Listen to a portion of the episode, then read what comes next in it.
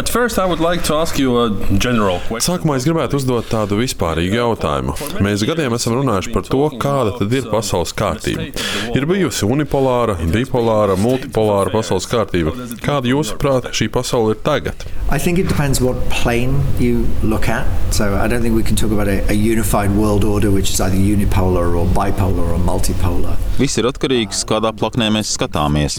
Mēs nevaram viennozīmīgi runāt par unipolāru vai multipolāru pasauli, jo polu skaits atšķiras atkarībā no jautājuma.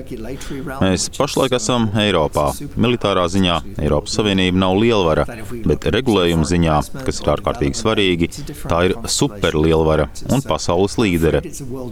Taču, ja mēs runājam par ārējām investīcijām vai attīstības palīdzību vadošajās jomās, ir citi faktori. Manuprāt, šī pasaules kārtība neļauj veikt vienkāršotus raksturojumus, jo situācija ir ļoti sajaukta. Šajā sistēmā ir gan riski, gan iespējas. Piemēram, kaut vai dekarbonizācija.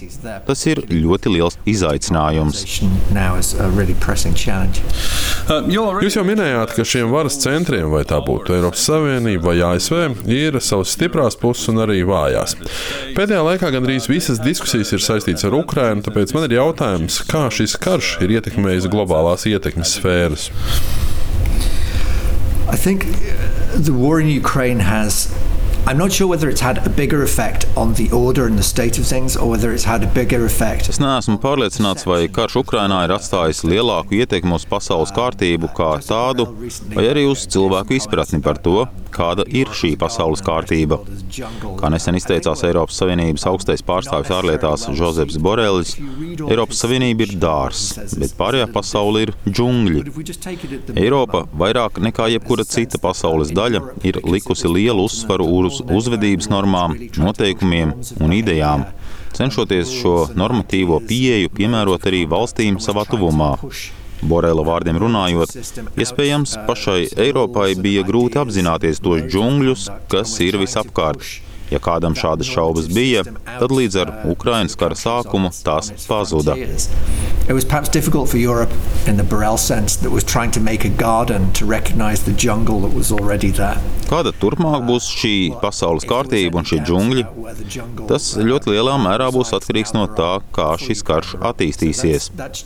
Atbildi no ASV, Eiropas un dažiem sabiedrotiem citur pasaulē bija ļoti skaidra un konkrēta.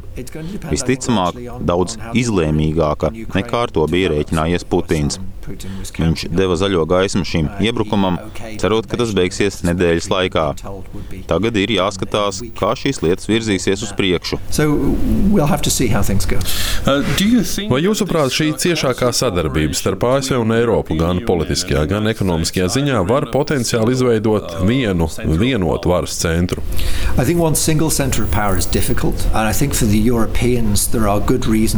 Manuprāt, vienu varas centru panākt būs grūti. Turklāt Eiropiešiem ir izdevīgi izvairīties no vienota centra, tā vietā dodot priekšroku sadarbībai.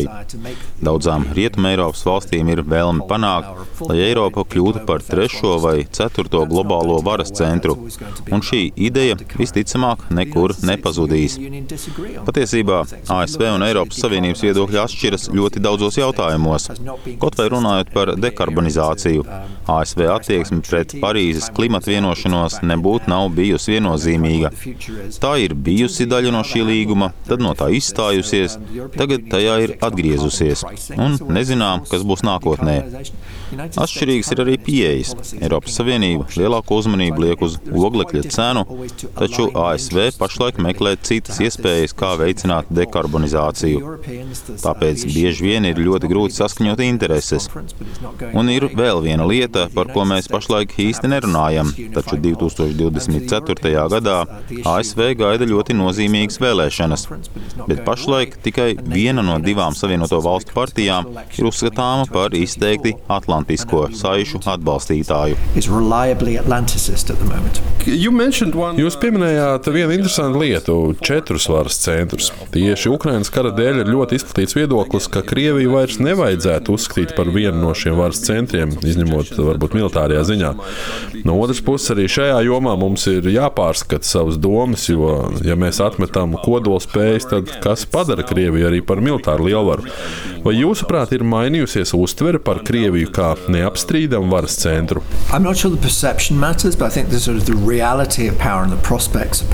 Manuprāt, ir mainījusies nevis izpratne, bet gan pati varas realitāte, kas ir mainījusies ne par labu pašai Krievijai. Bet, manuprāt, mums ir jābūt uzmanīgiem par to, ko un kā mēs sakām. Tēzi par Krievijas lejupslīdi ir grūti apstrīdēt, ja mēs ņemam vērā izglītības līmeni, cilvēku resursus, iedzīvotāju skaitu krišanos, atpalicību zinātnisko sasniegumu jomā. Visi šie raksturojumi nenāk par labu valstī, kas vēlas būt dominējoša 21. gadsimtā. Krievijai ir ļoti daudz resursu, taču pret cilvēku resursiem attieksme nav laba. Ekonomiskā sistēma nespēja sniegt lielākos ieguvumus no pieejamiem resursiem. Taču mēs jau Obamas prezidentūras laikā redzējām kādu problēmu. Tika uzskatīts, ka Krievijas ietekme uz globālās skatuves mazināsies, un tā kļūs vairs tikai par reģionālu lielvaru. Šāda domāšana ir radījusi vairākas problēmas. Pirmkārt, mēs varam runāt par ilgtermiņa diagnozēm, taču mēs dzīvojam tagadnē, un mūs interesē īstermiņa iznākums. Proti, pat uz leju slīdoša Krievija īsā termiņā var radīt nopietnas problēmas. Turklāt Krievija, kas jūtas vājāka, var darboties vēl destabilizējošāk. Manuprāt, Baraks Obama tā nebija domājis, bet kad viņš aprakstīja Krieviju kā uz leju slīdošu reģionālu varu, Tas kalpoja par labāko iegānstu Vladimiram Putinam Sīrijā vai citos reģionos pierādīt, ka ASV prezidentam nebija taisnība. Tāpēc ir jābūt piesardzīgiem. Ilgtermiņā gan Krievija pašlaik neizskatās pēc valsts, kas pēc 20, 30 vai 40 gadiem būs tikpat spēcīga kā pašlaik. Bet, ja mēs jau tagad attieksimies pret Krieviju kā pret vērā neņemamu valsti, Krievija atkal centīsies pierādīt, ka citiem nav taisnības. Uh, runājot par vēl vienu gigantu Ķīnu, kas gluži kā astoņkājas ir izplatusi savus taustekļus faktiski visos pasaules reģionos un valstīs. Uh, daudz tiek pieminēta iespējamā Ķīnas ekonomiskā lejupslīde, iespējamās pārmaiņas valsts pārvaldībā, pretrunā pretrunīgi vērtētas uh, pārvaldības metodas. Kā jūs redzat Ķīnas nākotni, tās ietekmi pasaulē un arī izaicinājumus, kurus tā rada citiem? Um, said, it's, it's Kā jau jūs teicāt, Ķīnas klātbūtne dažādās valstīs un kontinentos ir apbrīnojama. Kaut vai pieņemsim Latīņu Ameriku. Īpaši tālāk uz dienvidiem Ķīna ir daudz klātesošāka nekā, piemēram, Amerikas Savienotās valstis, kas ir geogrāfiski daudz tuvāk. Eiropas Savienības klātbūtne tur ir vispār grūti atrodama. Līdzīga situācija ir arī citur pasaulē, jo daudzām valstīm Ķīna ir lielākais tirzniecības partneris. Tā ir valsts, kas iepērk resursus, kā arī sniedz palīdzību caur dažādām attīstības schēmām. Ir grūti redzēt, kā tas varētu mainīties. Ķīna ir skaidri pateikusi, ka tā vēlas sev lielāku starptautisko lomu, un tā turpinās aktīvi strādāt, lai veidotu pasauli tā, kā tai ir izdevīgi. Tā lielvaras parasti dara. Atšķirībā no Amerikas Savienotajām valstīm, Ķīnai šajā procesā nav īpaši liels vēlmes iegūt sev kādus sabiedrotos. ASV patīk būt dažādās aliansēs, taču diez vai kaut kā tāda atkārtošanos mēs redzēsim Ķīnas gadījumā. Iekšpolitiski, protams, Ķīna pašlaik saskars ar ekonomiskām problēmām. Taču, kurai valstī gan nav šādu problēmu? Ilgtermiņā ir jautājums, ja vienam cilvēkam ir tik liela ietekme pār turpmāko politikas virzību, cik liela ir iespēja, ka tas pakļauj valsti dažādām iespējamām kļūdām. Um, Xi Jinping probably has had his worst year in power, if only because there were challenges to whether he'd actually got the big decisions right. Sīdziņpiņam iespējams šis ir bijis sliktākais gads kopš nākšanas pie varas. Visiem līderiem nepatīk, kad cilvēki sāk apšaubīt viņa lēmumus. Piemēram, viņš pakļāvās Trumpa izaicinājumam un iesaistījās tehnoloģiskajā tirzniecības karā. Tad bija nulles Covid politika un visbeidzot atbalsts Krievijai. Taču partijas kongress parādīja, ka viņš pie varas vēl kādu laiku būs. Iespējams, ka Ķīna pašlaik starptautiski ir aizgājusi nedaudz par tālu un ir spiesta saskarties ar pretestību, tostarp Eiropā. Iespējams, tai ir nedaudz jāpakāpjas atpakaļ un jākoncentrējas uz iekšējām lietām.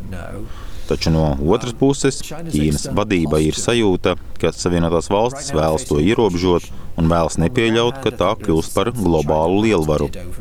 Lai pretotos šādam izaicinājumam, to vieglāk ir izdarīt citur pasaulē, nekā gaidīt, kad tas atnāks pie tevis. Būs interesanti paskatīties, kā šīs pretējās tendences galu galā attīstīsies, jo pašlaik tās Ķīnu rausta pretējos virzienos.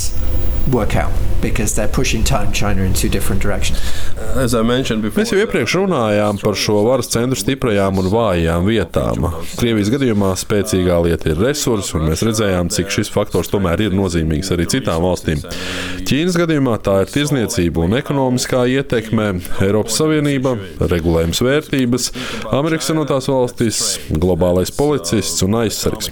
Vai jūsuprāt, šīm lielvarām būtu iespējams sadarboties vēl ciešāk, piemēram, nu, ideālistiski runājot, globālā miera labā?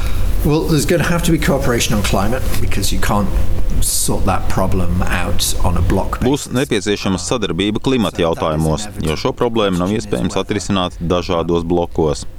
Jautājums ir, vai konkurence citās jomās būs veicinoša vai tieši pretējs faktors. Nulles emisiju mērķi, atklāti sakot, ir ļoti rietumnieciski pieeja problēmai, jo netiek ņemts vērā, kurš pagātnē radīja vislielākos ogļu izmešus. Taču, ja mēs paskatāmies uz to, cik daudz uz planētas ir cilvēku, cik daudz kaitīgo izmešu mēs esam radījuši un cik daudz oglekļa mēs varam pieļaut atmosfērā, lai ievērotu globālās temperatūras mērķus, visai pasaulē būtu jāpārstāj vispār radīt izmeši jo visu atlikušo piesārņojumu radīs Ķīna, Indija, Indonēzija un Āfrikas valstis. Un es biju ļoti pārsteigts, kad Glāzgovas klimata samitā Indijas premjeras Modī izvirzīja klimata neutralitātes mērķus. Taču nekur nav pazuduši un nepazudīs arī attīstības valstu argumenti par vides taisnīgumu, jo daudzi finansiālie solījumi tā arī nav izpildīti.